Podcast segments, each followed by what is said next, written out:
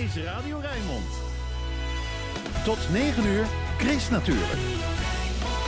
Hier is Chris Veen. Goedemorgen, overal steken ze de kop op. Na de sneeuwklokjes, de narcissen, de krokussen en de tulpen. Het park bij de Euromast gaat niet terug naar Zogger, maar verder met Zogger. Dus met brullenbakken en nijlgansen van nu. En kronkelende paden en spiegelende vijvers van toen. En misschien wel met bloeiende bloemetjes in het gras. Het liefst bloemen die goed zijn voor bijen en andere insecten, die weer goed zijn voor de vogels en andere dieren. Wat staat er over natuur in de Rotterdamse verkiezingsprogramma's? Rotterdamse natuurkenners zochten het uit. In het boekennieuws ontdekten stadsnomaden haviken en wasberen in Berlijn en ziet Eerwan Droog te midden van de schapen de seizoenen op de Poolcirkel aan zich voorbij trekken. Je hoort er meer over vandaag in... Chris natuurlijk, met Chris Vemer. When I was young, Felt the need of learning, learning. Love, I was told, kept the wheel on turning, turning. Still, I'm trying to find peace of mind inside. For once in your life, you feel the urge and one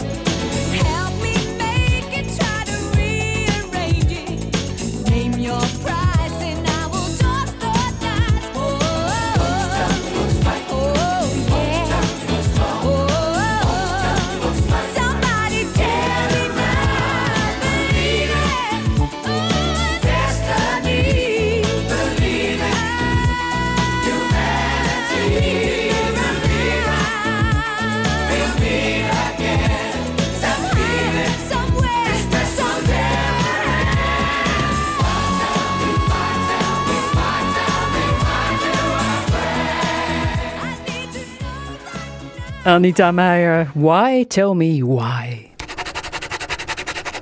Stemmen met het groene potlood.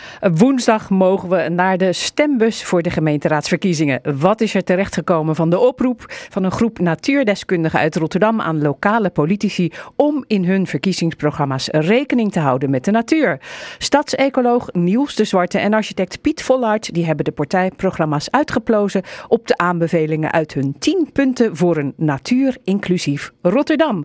Niels de Zwarte vertelt hoe ze te werk zijn gegaan. We hebben het met z'n drieën gedaan, eh, met Jacques Vink en dan eh, Piet Vollaert en ik. Eh, we hebben ook met elkaar een keer een boek geschreven, Stadsnatuur maken. En nu hebben we gezegd, we gaan die partijprogramma's verdelen en die spitten we helemaal uit. En hebben we samengevat en hebben we gecheckt op een aantal punten, zoals ecologie, biodiversiteit en natuur. Misschien om gelijk naar de scorelijst te gaan. Dan zijn vooral, dat is niet verrassend, GroenLinks en eh, de Partij voor de Dieren... die eigenlijk op alle hoofdgebieden wel iets te vertellen hebben. Een handvat tal partijen zoals D66 en, eh, en de ChristenUnie.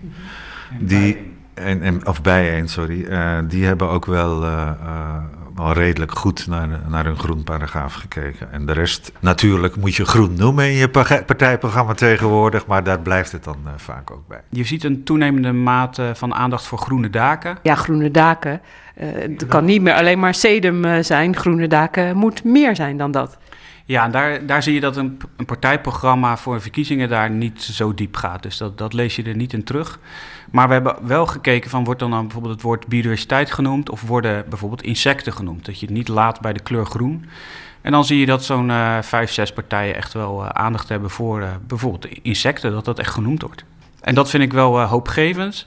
En je ziet bij een aantal partijen ook wat, wat kleine dingen terugkomen. Ehm, soms zie je dat er ergens voor gelobbyd is. Ehm, je ziet bij eh, bijvoorbeeld VVD en Leefbaar Rotterdam, zie je, die willen doorlaatbare parkeerplaatsen om wateropvang eh, daarvoor te zorgen. Een aantal partijen zijn eh, heel expliciet, bijvoorbeeld tegen de drijvende boerderij. Dat is wel opvallend dat we dat bij meerdere keren tegen zijn gekomen. En wat opvallend is, dat er diverse partijen heel expliciet zijn over het vliegveld eh, 16 over. Ja, dat het vliegveld 16 overweg moet. Daar is geen meerderheid voor hoor, waarschijnlijk. Maar het was wel opvallend dat dat, eh, dat, dat eh, zo expliciet genoemd werd eh, door een aantal partijen. Wat me trouwens bij die, bij die daken opviel, en wat je in het algemeen wel kunt zeggen, is dat het idee dat we iets aan het klimaat moeten doen wel iets dieper doorgedrongen is bij de meeste partijen. Dus bij groene daken wordt dan vaak nog wel gezegd dat het vasthouden van, van regen een tijdje, dat dat een voordeel is. Maar de volgende slag, en het net zo grote, zo niet grotere probleem in mijn ogen, het verlies aan biodiversiteit, die wordt dan niet meegenomen. Dus het, is echt wel, het zou wel kunnen hè, dat je expliciet wordt in zo'n, in zo'n programma, maar dat gebeurt dan nog niet. Dus, ik- maar ik, ik heb goede hoop overigens dat het over vier jaar eh, beter is hoor. Want als je. Ik, heb vier jaar geleden de partijprogramma's ook een beetje doorgekeken. En toen was er nauwelijks iets van natuurwaarde of biodiversiteit. Woord natuur inclusief bestond niet. En dan zie je toch wel dat er heel veel veranderd is in de afgelopen vier jaar. Zijn er echt dingen overgenomen uit jullie tienpuntenplan? Ja, je ziet op een aantal plekken dat er eh, eh, maaibeheer echt genoemd wordt. Van daar kun je heel veel mee sturen. Eh, we zien terug dat natuur inclusief bouwen bij een aantal partijen expliciet terugkomt. En ook het, eh, ja, wat Piet al even zei, de, de puntsysteem van natuur inclusief bouwen, wat wij, eh, waar wij groot voorstander van zijn, dat, dat nemen een aantal partijen over. Oké, en wat is dat dan, een puntensysteem? Nou, dat wil zeggen dat na- natuur inclusief bouwen betekent dus eigenlijk dat je met, met elke bouwopgave, eh, of het nou gebouwen zijn of de, de publieke ruimte, dat je dan automatisch de, de natuurwaarde meeneemt in je overwegingen. En zo'n puntensysteem wil zeggen dat je een, een lijstje met eh, maatregelen hebt eh, waar je uit kunt kiezen. En waar je punten voor kunt krijgen. Dus je kunt eh, punten bij elkaar sprokkelen. Dat kan bijvoorbeeld zijn als, als je een groen dak maakt, dan krijg je één punt. Als je een groen dak maakt, bez- bezaaid met bloemen, dan krijg je misschien twee of drie punten. Zet je er nog zonnecellen bovenop, dan is het misschien vijf punten.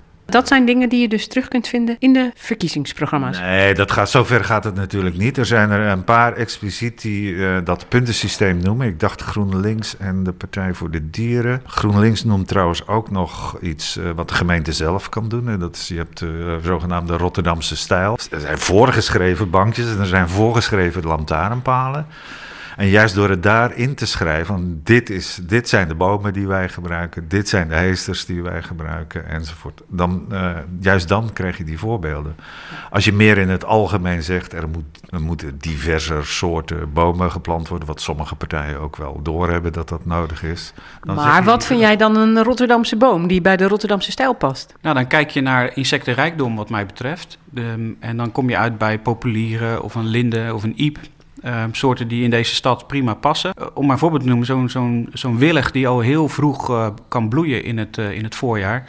Die is ontzettend goed voor, voor bijen en andere insecten om, om aan nectar te kunnen komen. Ik heb zelf eventjes de stemwijzer gedaan en ik was een beetje teleurgesteld, want daar staan eigenlijk zo weinig dingen in die te maken hebben met de natuur. Het valt mij ook tegen dat je denkt dingen die ik belangrijk vind, zoals echt natuurwaarde en niet alleen maar de kleur groen. Ja, die, zie je, die zie je in die stemwijze niet terugkomen. Maar wel bijvoorbeeld dat vliegveld. Ja, nou ja, ik, ik- mijn, mijn inschatting is dat dat eh, eerder een landelijke beslissing is dan dat er hier lokaal eh, over gaat. En dat er zeker geen meerderheid nog is in, de, in, een, in welk college dan ook in Rotterdam. Maar Maar staat Ja. toch ook niet in jullie tienpuntenplan? nee, is dat ook niet in ons. Zou wel een- enorm helpen hoor, trouwens. Eh, het, eh, Als het weggaat. Ja, zeker. Eh, maar dat is dan meer een klimaatdoel. Hè. Ons, ging, ons tienpuntenplan ging echt over eh, natuurwaarden. Voor het klimaat, eh, voor de verontreiniging zou het enorm helpen. En je hebt gelijk een bouwlocatie van, van je welste. Wat vonden jullie nou het belangrijkste wat opgenomen is in die verkiezingsprogramma's? Nou ja, aan ons tienpuntenplan begon ook met het allerbelangrijkste is dat je een, een integraal ecologisch beleid voert. En, en dat begint met de, de ecologische structuur van de stad goed in kaart brengen. Je moet weten wat je hebt voordat je eh, kunt weten waar je kunt verbeteren of eh, waar het eh, ook wel oké is. En die ecologische hoofdstructuur wordt helaas nog maar weinig genoemd. Hè. Die, die vijf partijen die ik noemde, die, die wel wat meer dan groen doen, met name GroenLinks en de Partij voor de Dieren, die wordt, noemen echt zo'n zo'n structuur. D66 ook wel en bijeen. Maar dan houdt het wel op. Maar dat is wel erg belangrijk dat daarmee begonnen wordt. Als je daar niet mee begint, dan blijft het hap-snap-beleid. Oké, maar daar kan je misschien helemaal niet mee scoren als je dat in je programma opneemt. Nee. nee, dat blijkt dus wel. Als jij, jij zei net dat, eh, dat er in de normale kieswijzer zo weinig groene vragen zitten. Maar dat is natuurlijk geen toeval. Dat zijn niet per se de vragen waar mensen mee zitten als, je over biodiversiteit en natuurwaarden. Waarom zouden ze er wel mee moeten zitten? Het langzame verval van de natuur is sluipend. Je merkt het niet eh, van dag tot dag. En dingen als veiligheid en eh, educatie en eh, eh, woningnood enzovoort, dat is een, een direct gevoelde nood. En, en, en het langzamerhand terugvallen van natuur en natuurwaarden, is- dat gaat veel, eh, veel langzamer en, en het is onzichtbaar. Maar het is bijna niet terug te draaien. Die woningen kun je bijbouwen. Als die natuur, als, als soorten weg zijn, dan zijn ze weg. Maar ja, kan je daar als stad wat aan doen, als stadsbestuur? Ja, dat denk ik wel. En, vooral door het in alle beleidsvelden mee te nemen. Dus je moet het koppelen aan gezondheid en zien dat natuur een oplossing is voor een aantal problemen die je wil oplossen. Dus als je eh, een park hebt, dan kun je daar doorheen wandelen en dat is goed voor de mens ook.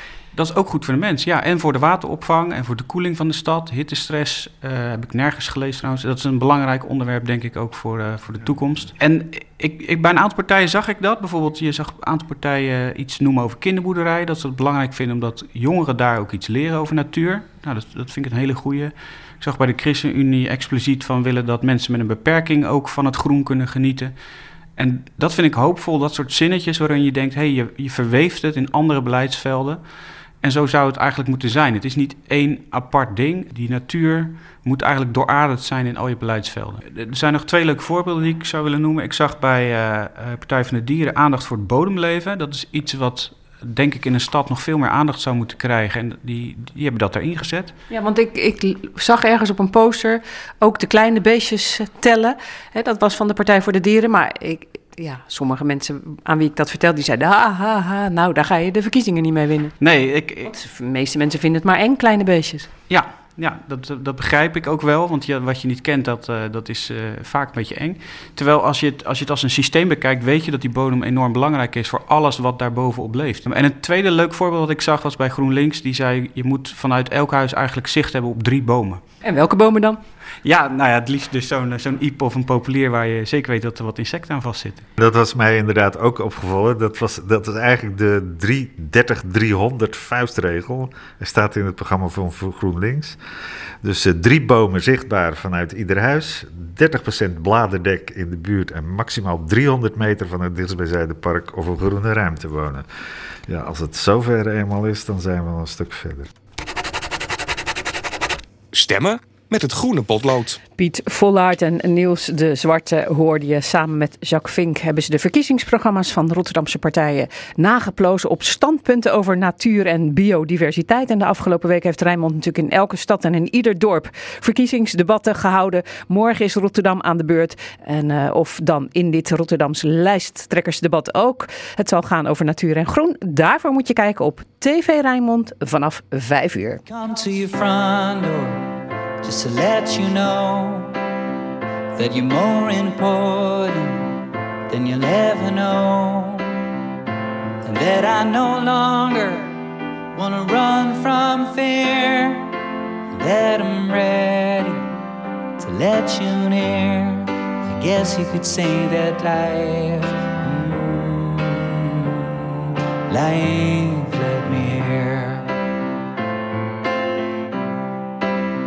I've been searching for something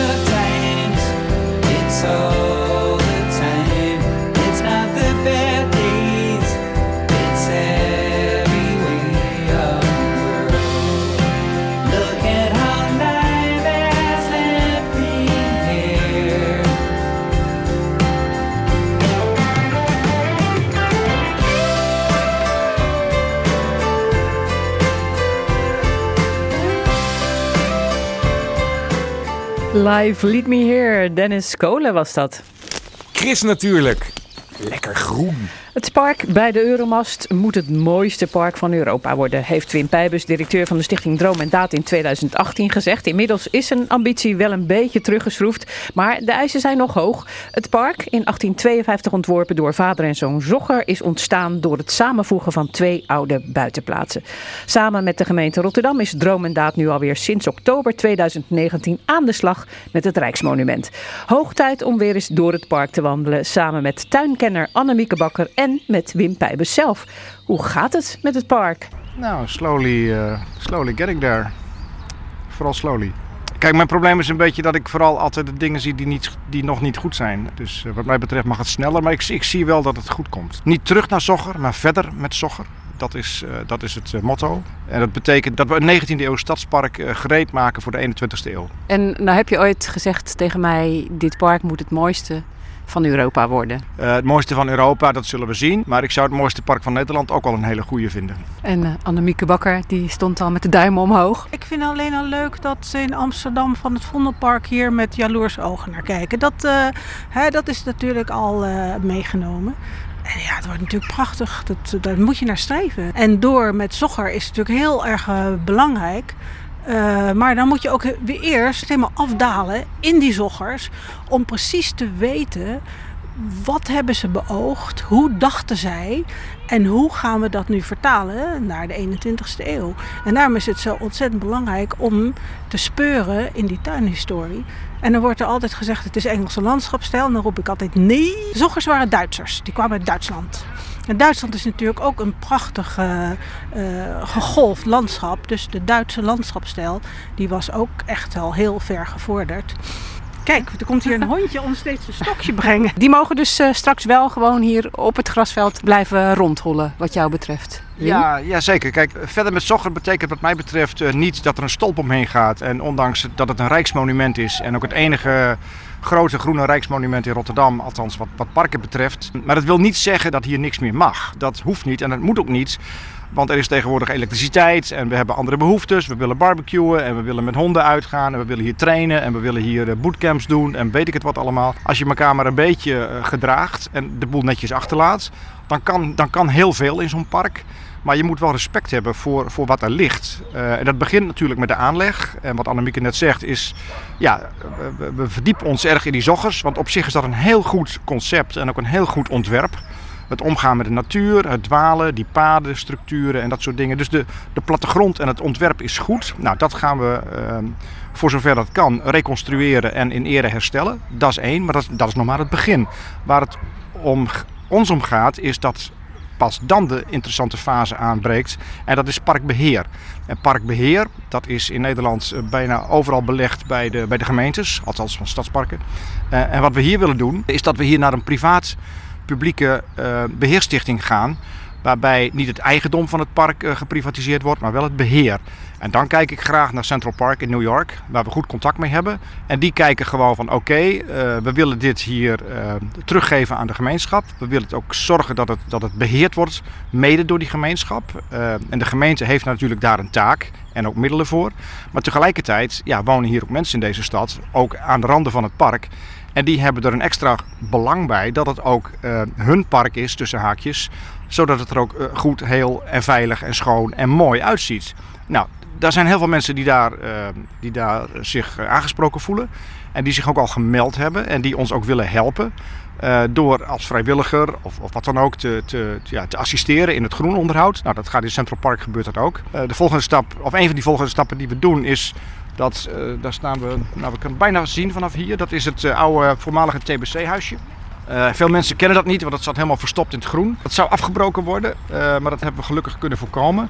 Het is ook het het, ik, voor zover we het hebben kunnen nagaan, is het het laatste TBC-paviljoentje wat er nog staat in Nederland. Eh, op het zuiden gericht, dus daar lagen mensen voor de oorlog ongeveer dat ze op een bed naar buiten werden gerold en in de zon frisse lucht konden genieten en weer aansterken. Nou, dat hoeft niet meer, want TBC is volgens mij verdwenen in Nederland. Maar in ieder geval, dat paviljoentje dat gaan we een nieuwe functie geven. Dat wordt het parkpaviljoentje.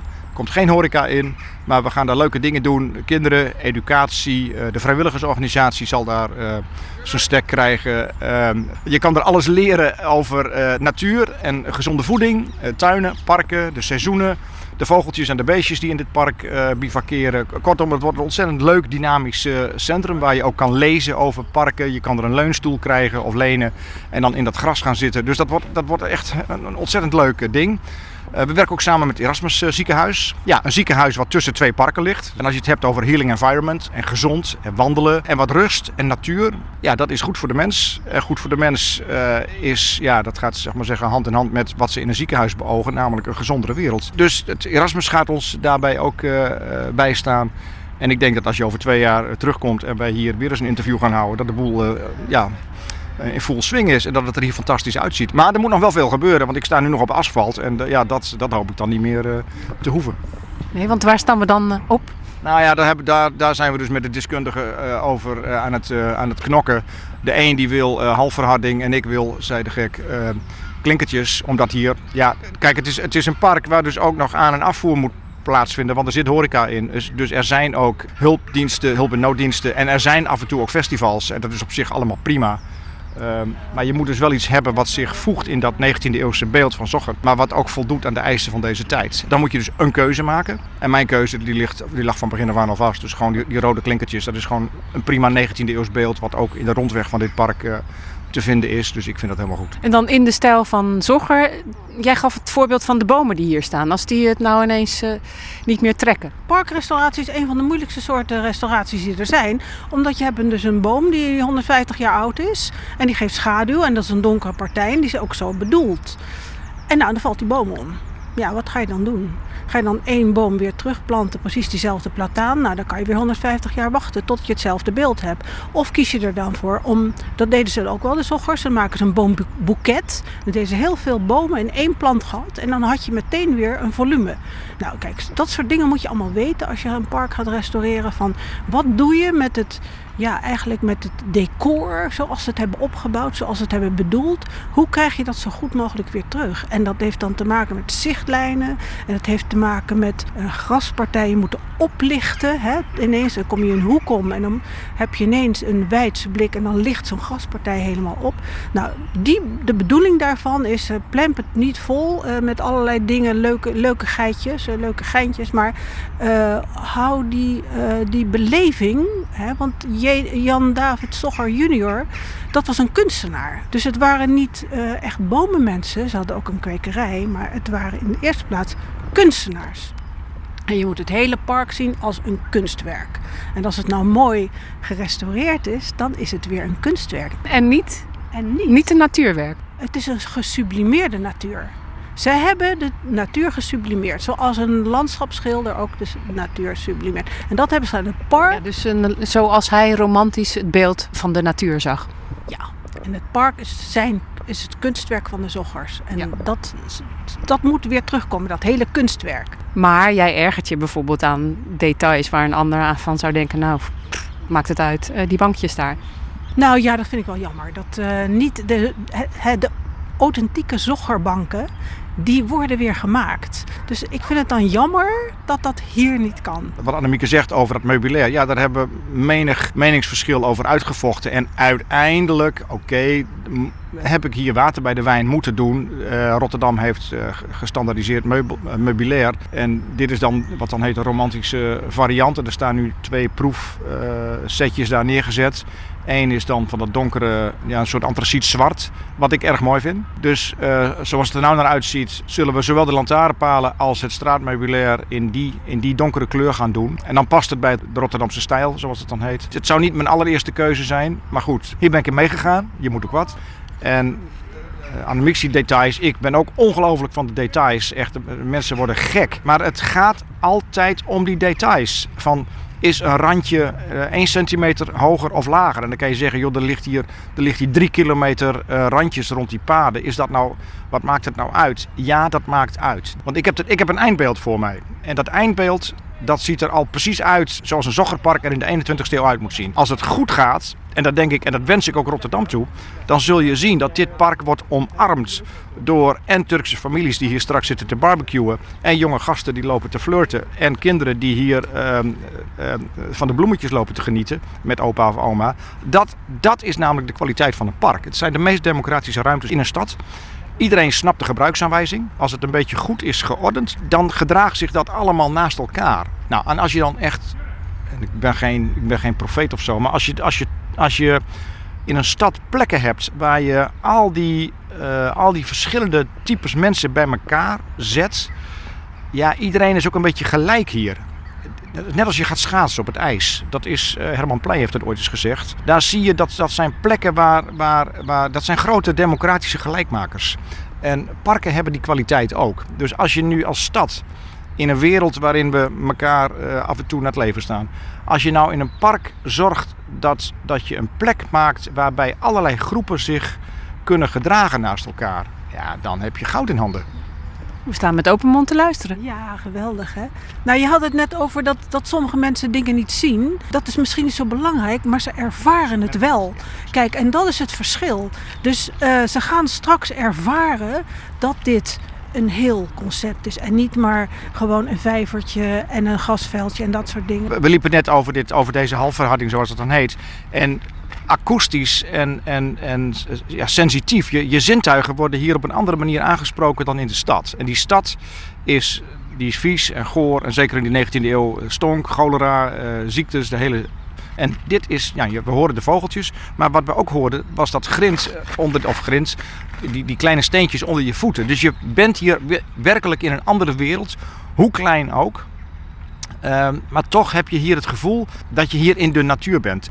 Wat gaat er nou daarachter nog gebeuren? Want daar zijn ze nu heel erg aan het werk. Hè? Dus aan de kant van de Westzeedijk. Ja, dat, dat, wat je daar ziet is ehm, dat die donkere delen, daarin komen die paden dus terug. Wat komt daar dan? Komt er gras nog? Gras. Nou ja, dat is ook een van de dingen waar verschillende meningen over zijn. Want er zat daar dus, ook als een soort reliek van de, van de Floriade, zat er een soort niervormige jaren 50 bloembed. Wat ieder jaar op een, een of andere manier werd inge, opgepoot en plant door de gemeente met allerlei plantjes waarvan ik denk van ja, die zijn gewoon op kleur gekozen. Maar het heeft hier gewoon totaal niets te zoeken. Een misplaatste onzin. Een soort keukenhof, eh, Ja. wat de Ja. kwekers mooi vinden, ja. Ja, en de ene keer waren het Afrikaantjes en de andere keer waren het tulpen. En het, ik bedoel, het, eh, lollig.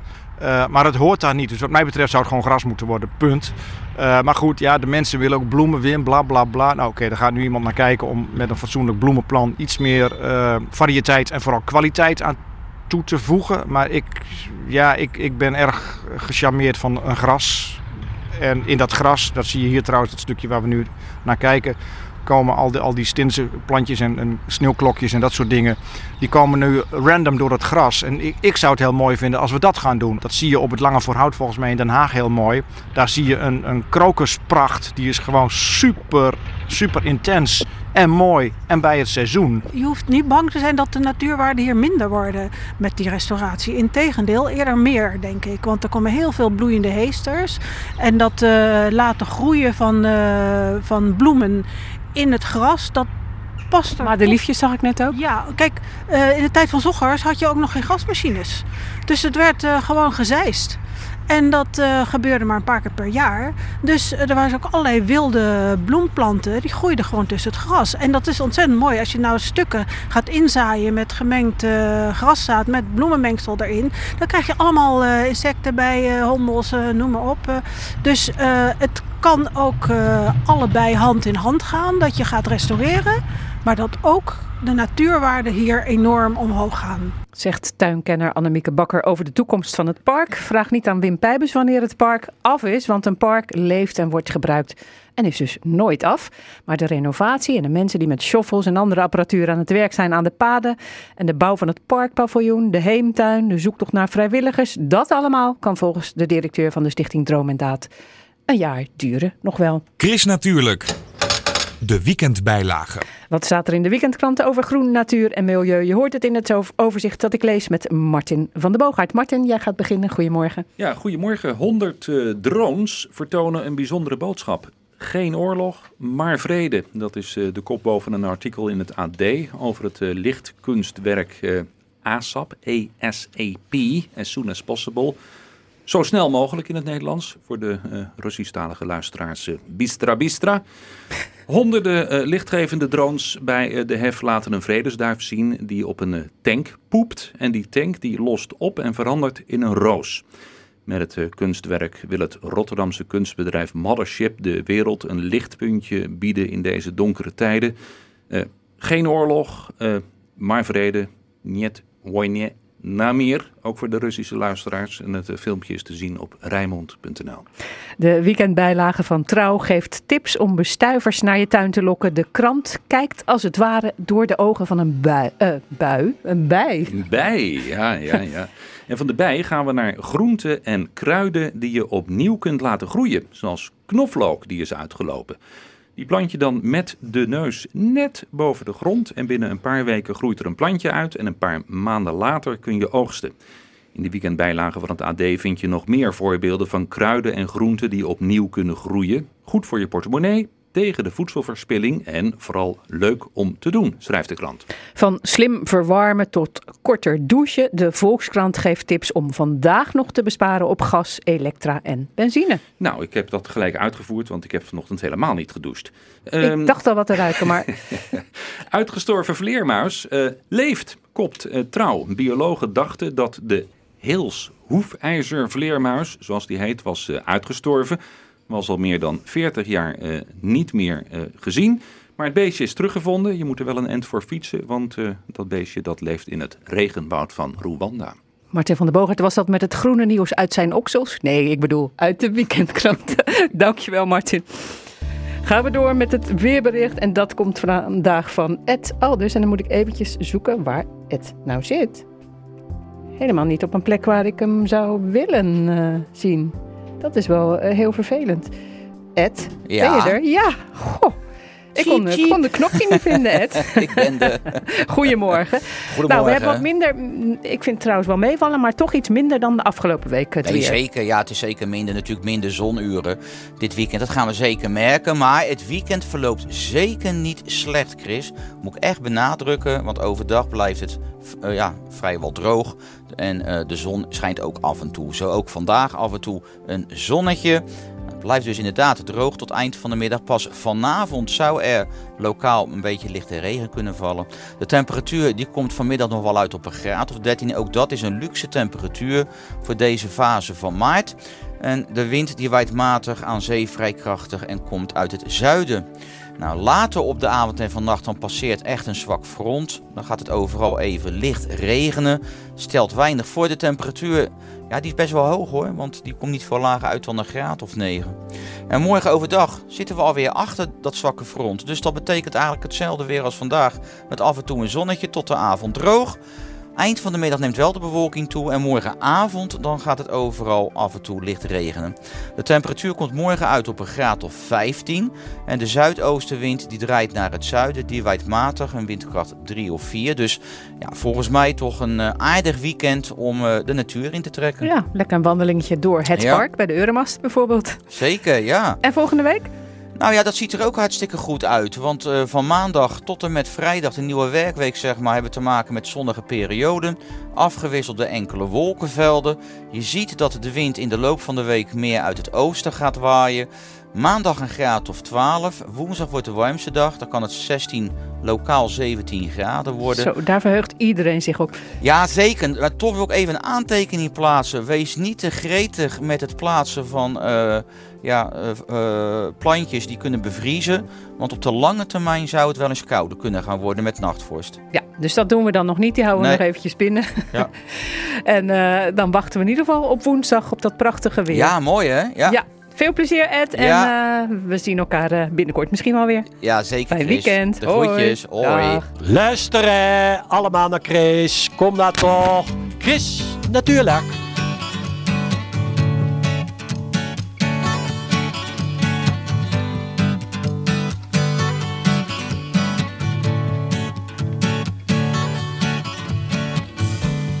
Chewing on a piece of grass, walking down the road. Tell me how long you gonna stay here, Joe. Some people say this town don't look good in snow.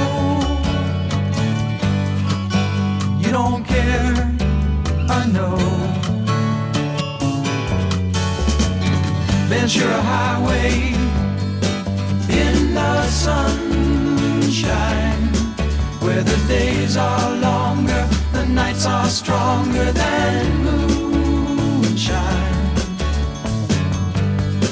You're gonna go, I know.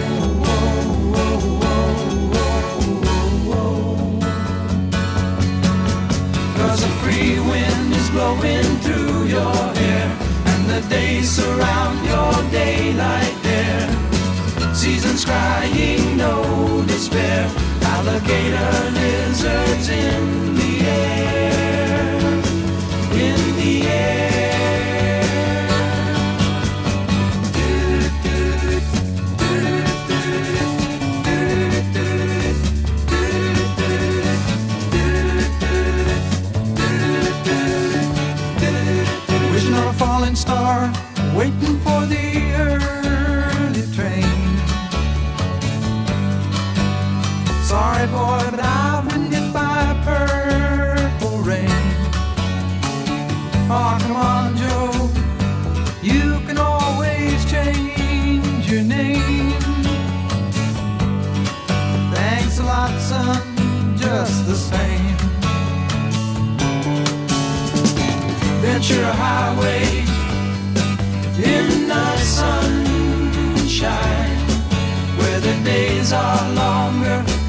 are stronger than moonshine.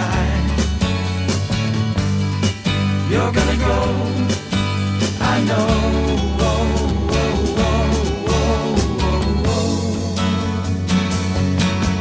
Cause free wind is blowing through your hair, and the days surround your daylight there.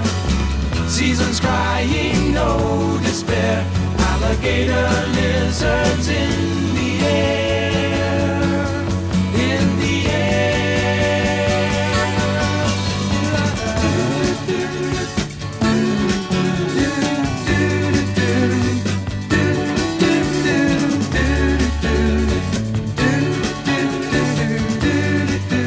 America Ventura Highway. Chris natuurlijk, de plant van de maand. Melita van Bracht, botanicus bij de Botanische Tuin Afrikaanderwijk in Rotterdam-Zuid. Die vertelt iedere maand over een andere plant uit de Botanische Tuin. Voor de plant van de maand maart heeft ze iets leuks bedacht. Nou, ik denk laten we eens uit ons bol gaan, Chris. Kan ons het schelen.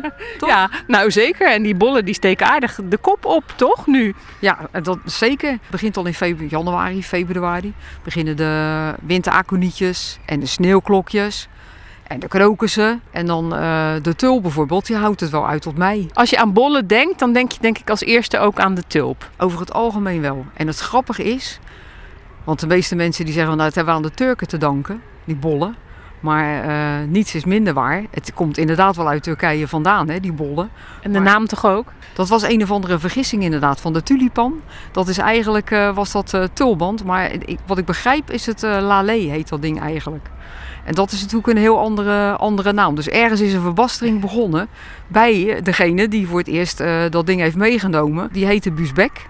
En dat was een gezant in, het, eh, in, in Constantinopel, maar een Belg. En die Busbek was een goede vriend van eh, Carolus Clusius. U wel eh, allen bekend, denk ik, van de Clusiustuin in de Hortus Leiden. En wat nam hij mee? Zo'n bol. En die heeft hij aan hem gegeven. En de Nederlanders, ja, de handelsland hè, moet je natuurlijk niet doen.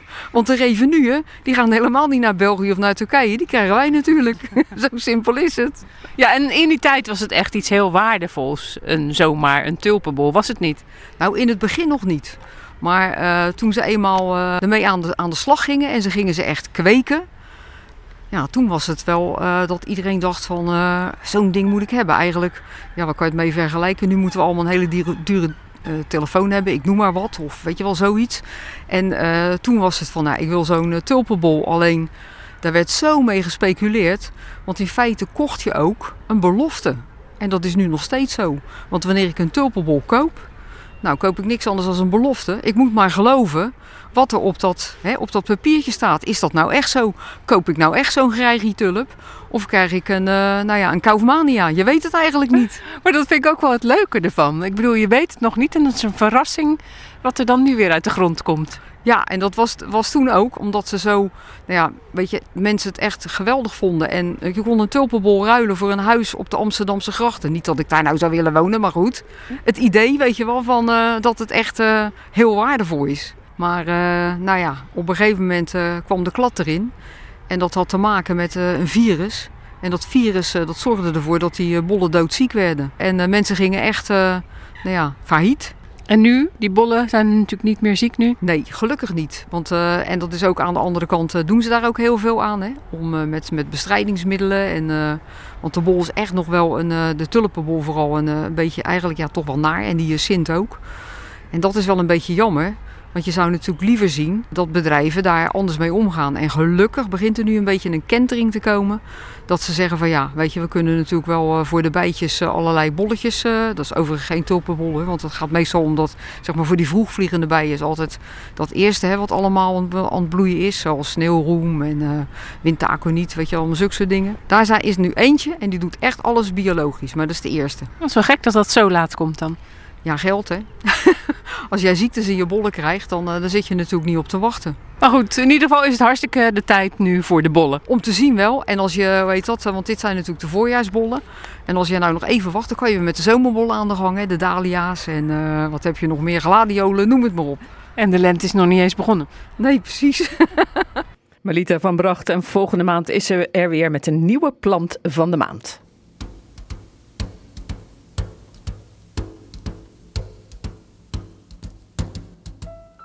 Fly me to the moon, let me play among the stars, and let me see what spring is like on Jupiter and Mars. In other words, hold my hand.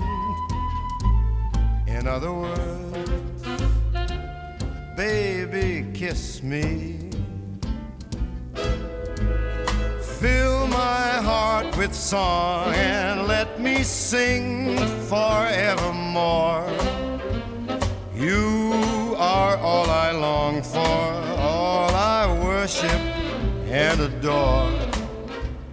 In other words, please be true. In other words, I love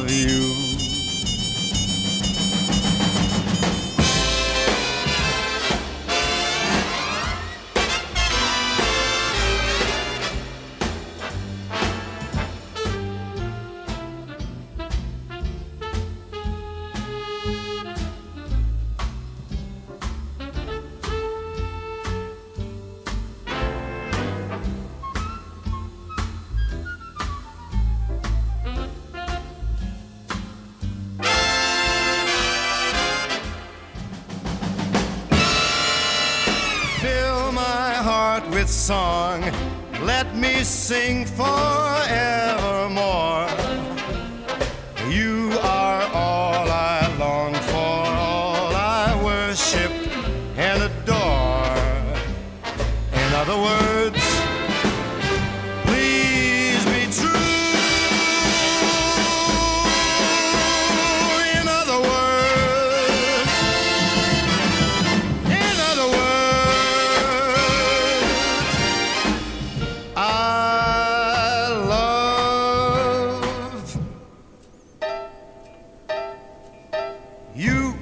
Uit de tijd dat platen nog een staand eind hadden. Frank Sinatra was dat onmiskenbaar. Chris natuurlijk. Lekker lezen. Door de oorlog in Oekraïne zijn veel mensen op drift geraakt. Ze moeten vluchten en het ergens anders weer zien te rooien. Ver weg van je eigen oorsprong moet je dan weer op zoek naar wie je bent. Ergens op een heel andere plek een nieuw leven opbouwen. Dat is een thema dat vaker voorkomt in boeken. Zoals in de boeken die Gert-Jan van Rietschoten van Boekhandel van Rietschoten in Rotterdam-IJsselmonde vandaag bespreekt. Gert-Jan, goedemorgen. Goedemorgen Chris. Ja, zoals het boek De rest van ons leven, hè, waarin een Italiaans jongetje naar Engeland eh, verhuist. En dat is een boek voor, laten we zeggen, iedereen van 15 tot 115. Ja, dat vind ik een mooie omschrijving. Daar sluit ik me volledig bij aan. Ehm, en inderdaad ook hier die rode lijn die je net al even benoemde. Mensen die ontheemd zijn. ehm, je speelt hier ook in, maar net zoals bij andere boeken. eh, ja, het- ja, de, de reden, de oorzaak van het eh, op, eh, op pad gaan is heel verschillend in de boeken die ik hier heb eh, liggen. Eh, dit boek is er eentje waar de hoofdpersoon Fredo Santoro uit Italië vertrekt. Eh, en dat doet hij eh, in de tijd, eh, nou, net voor de Tweede Wereldoorlog, eh, eigenlijk een economisch vluchteling. Samen met zijn vader, die de enige nog is die over is van het gezin. En komen ze dus inderdaad in Engeland aan eh, ze stellen zich daar heel dienstbaar op voor die maatschappij, eh, je. Een prachtige eh, plek nemen ze in. Vader is, is kapper. Maar ze worden uiteindelijk verdacht omdat, nou je voelt hem al aankomen, de Tweede Wereldoorlog nadert. En Mussolini de verkeerde kant kiest. en het fascisme dus ook van de Italianen die daar in, in, in Engeland wonen, eigenlijk verdachten maakt. Ze worden gedeporteerd voor een groot gedeelte. Vader die komt er ook zelfs bij om. Ehm, en eh, ja, de, hoofdpersoon Fredo die moet dus eh, kijken wat hij met de rest van zijn leven aan moet. eh, in zijn eentje, als vluchteling in die, op die plek. En dat is aandoenlijk om te lezen. Ik, inderdaad voor jong en oud, maar ik, ik, ik, ik kan het niet wegleggen, ook al zou het voor tieners zijn geschreven. Het is een prachtig stuk literatuur. Ja, en ook echt een historische setting.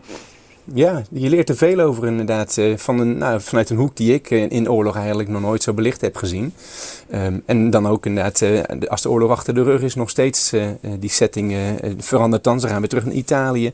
En wat je daar in het arme Italië dan leert over hoe het daar is om te leven in het zuiden. met inderdaad de dreiging van de criminaliteit en de maffia op de achtergrond. Eh, ik heb ervan genoten, van dit nieuwe boek van Els Beerten. Ja, en eh, dan, eh, ik zei niet voor niks natuurlijk van 15 tot 115, want het is eigenlijk dus een, een boek, een young adult boek zou je kunnen zeggen. Maar het is gewoon echt prachtig voor iedereen, zoals jij ons ook vertelt. De rest van ons leven van Els Beerten. Het is uitgegeven door Querido, kost 18,99 euro. Komen we aan eh Amy Liptrot. Eh, die kun je wel een dolende ziel noemen. Hè? Ze, ze wordt Ja, geboren zeker. op die afgelegen Orkney-eilanden in Schotland. Verhuisd op haar achttiende naar Londen. Keert na jaren weer terug naar de Orkneys om van haar alcoholverslaving eh, af te komen. En da- daarover lees je dus in De Uitweer, haar debuut. En dan komen we weer bij, bij een volgend boek van de schrijfster, Stadsnomade. En daar ga jij het over hebben. Ja, want inderdaad, de dodende ziel, ik denk dat je dat mooi zegt. En het is ook een boek waar de onrust ook van afspat, het hele verhaal lang. Het- een van de uitspraken die Amy Liptrot eh, in dit boek ook doet, in Stadsnomade, is, is, is het zeggen... eh, vertrekken heb ik altijd een heerlijk gevoel gevonden. Ehm, en dat, is, eh, nou ja, dat kan je heel positief eh, eh, oppakken. En, en denk inderdaad van op zoek naar het grote avontuur. Eh, maar bij haar merk je ook wel dat het gewoon een verlangen is wat nooit helemaal eh, ehm, ver- vervuld wordt. Het doet eigenlijk pijn, zeg maar, hoe ze ook op een andere plek wil zijn. Daar geeft ze zelfs een hele mooie eh, benaming aan. Fernwee, afstandspijn.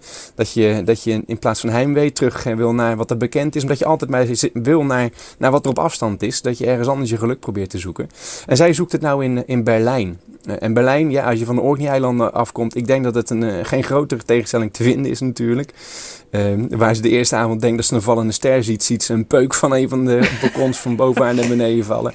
En ja, dat is zo'n tegenstelling. Maar eh, als een, als een, ehm, ja, een, een ware eh, avontuurzoekster, of natuurzoekster moet ik zeggen, gaat ze binnen die stad eh, op zoek naar, eh, naar de natuur als stadshaviken, als eh, wasberen, natuurrotondes. Ik hoorde net een stuk van je mooie eh, plantsoenen waar, of eh, parken waarover wordt gesproken. En al dat soort plekken, daar zocht zij in, eh, in Berlijn dus ook naar. En naar de liefde. Ehm, nou, en dat, dat gaat allemaal niet van een leien dakje, kan ik je vertellen. Maar daarover Eh, lees je dus in Stadsnomade van Amy Ja. Liptrot. Het is uitgegeven bij Ambo Antos. Het kost in de winkel 20 euro en 99 cent. En er is één luisteraar die het boek kan winnen. Wat moet je dan doen? Bellen met 010 436 4436. Dan maak je kant. En dan, eh, ja, je kunt heel lang over iets blijven dromen. Of je gaat het gewoon doen. En eh Eerwan Droog, die deed het gewoon. En je leest erover in het huis aan het einde. Gertjan, wat ging Eerwan Droog gewoon doen? Ja, Ewan Droog, dat was eh, eh, in, in het begin van de coronacrisis een, een thuiswerkende, zoals dat allemaal waren. Of althans, velen van ons die geen winkel hadden. En eh, die moest inderdaad dus thuis zien te rooien met een internetverbinding en een, en een computer. En hij dacht van ja, dat kan ik hier doen, maar dat kan ik ook in Noorwegen doen. En hij kreeg de mogelijkheid om daar op, de, op een eiland in de Poolcirkel, op de Poolcirkel, een, een huis te gaan bewonen. wat op het eiland is veel leegstand natuurlijk. En de meeste mensen die trokken daar toch weg richting, richting het vasteland. En daar was een project waardoor het mogelijk werd gemaakt dat je in zo'n leeg huis voor een langere tijd bivakkeerde. Ehm, en daar komt hij helemaal tot rust. Waar hij eerst van zijn balkonnetje in, eh, in de stad uitzicht had op eh, 200 woonplekken die werden eh, gebouwd.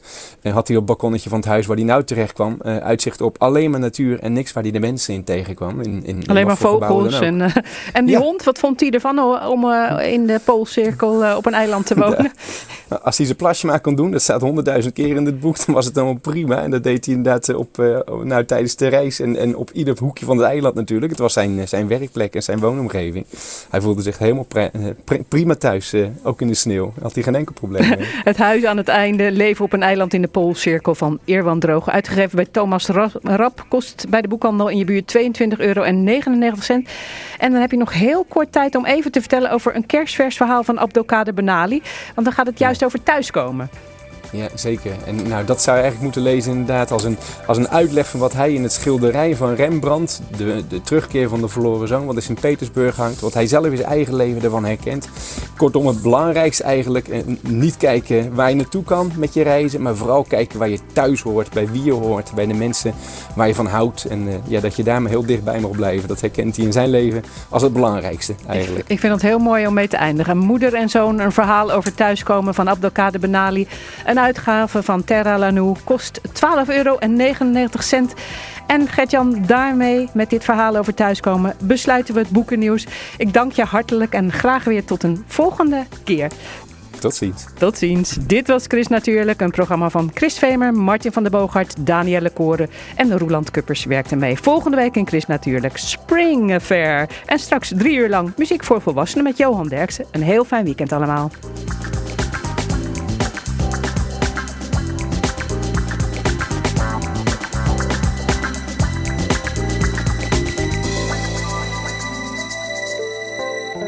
Chris Natuurlijk. Kijk ook op chrisnatuurlijk.nl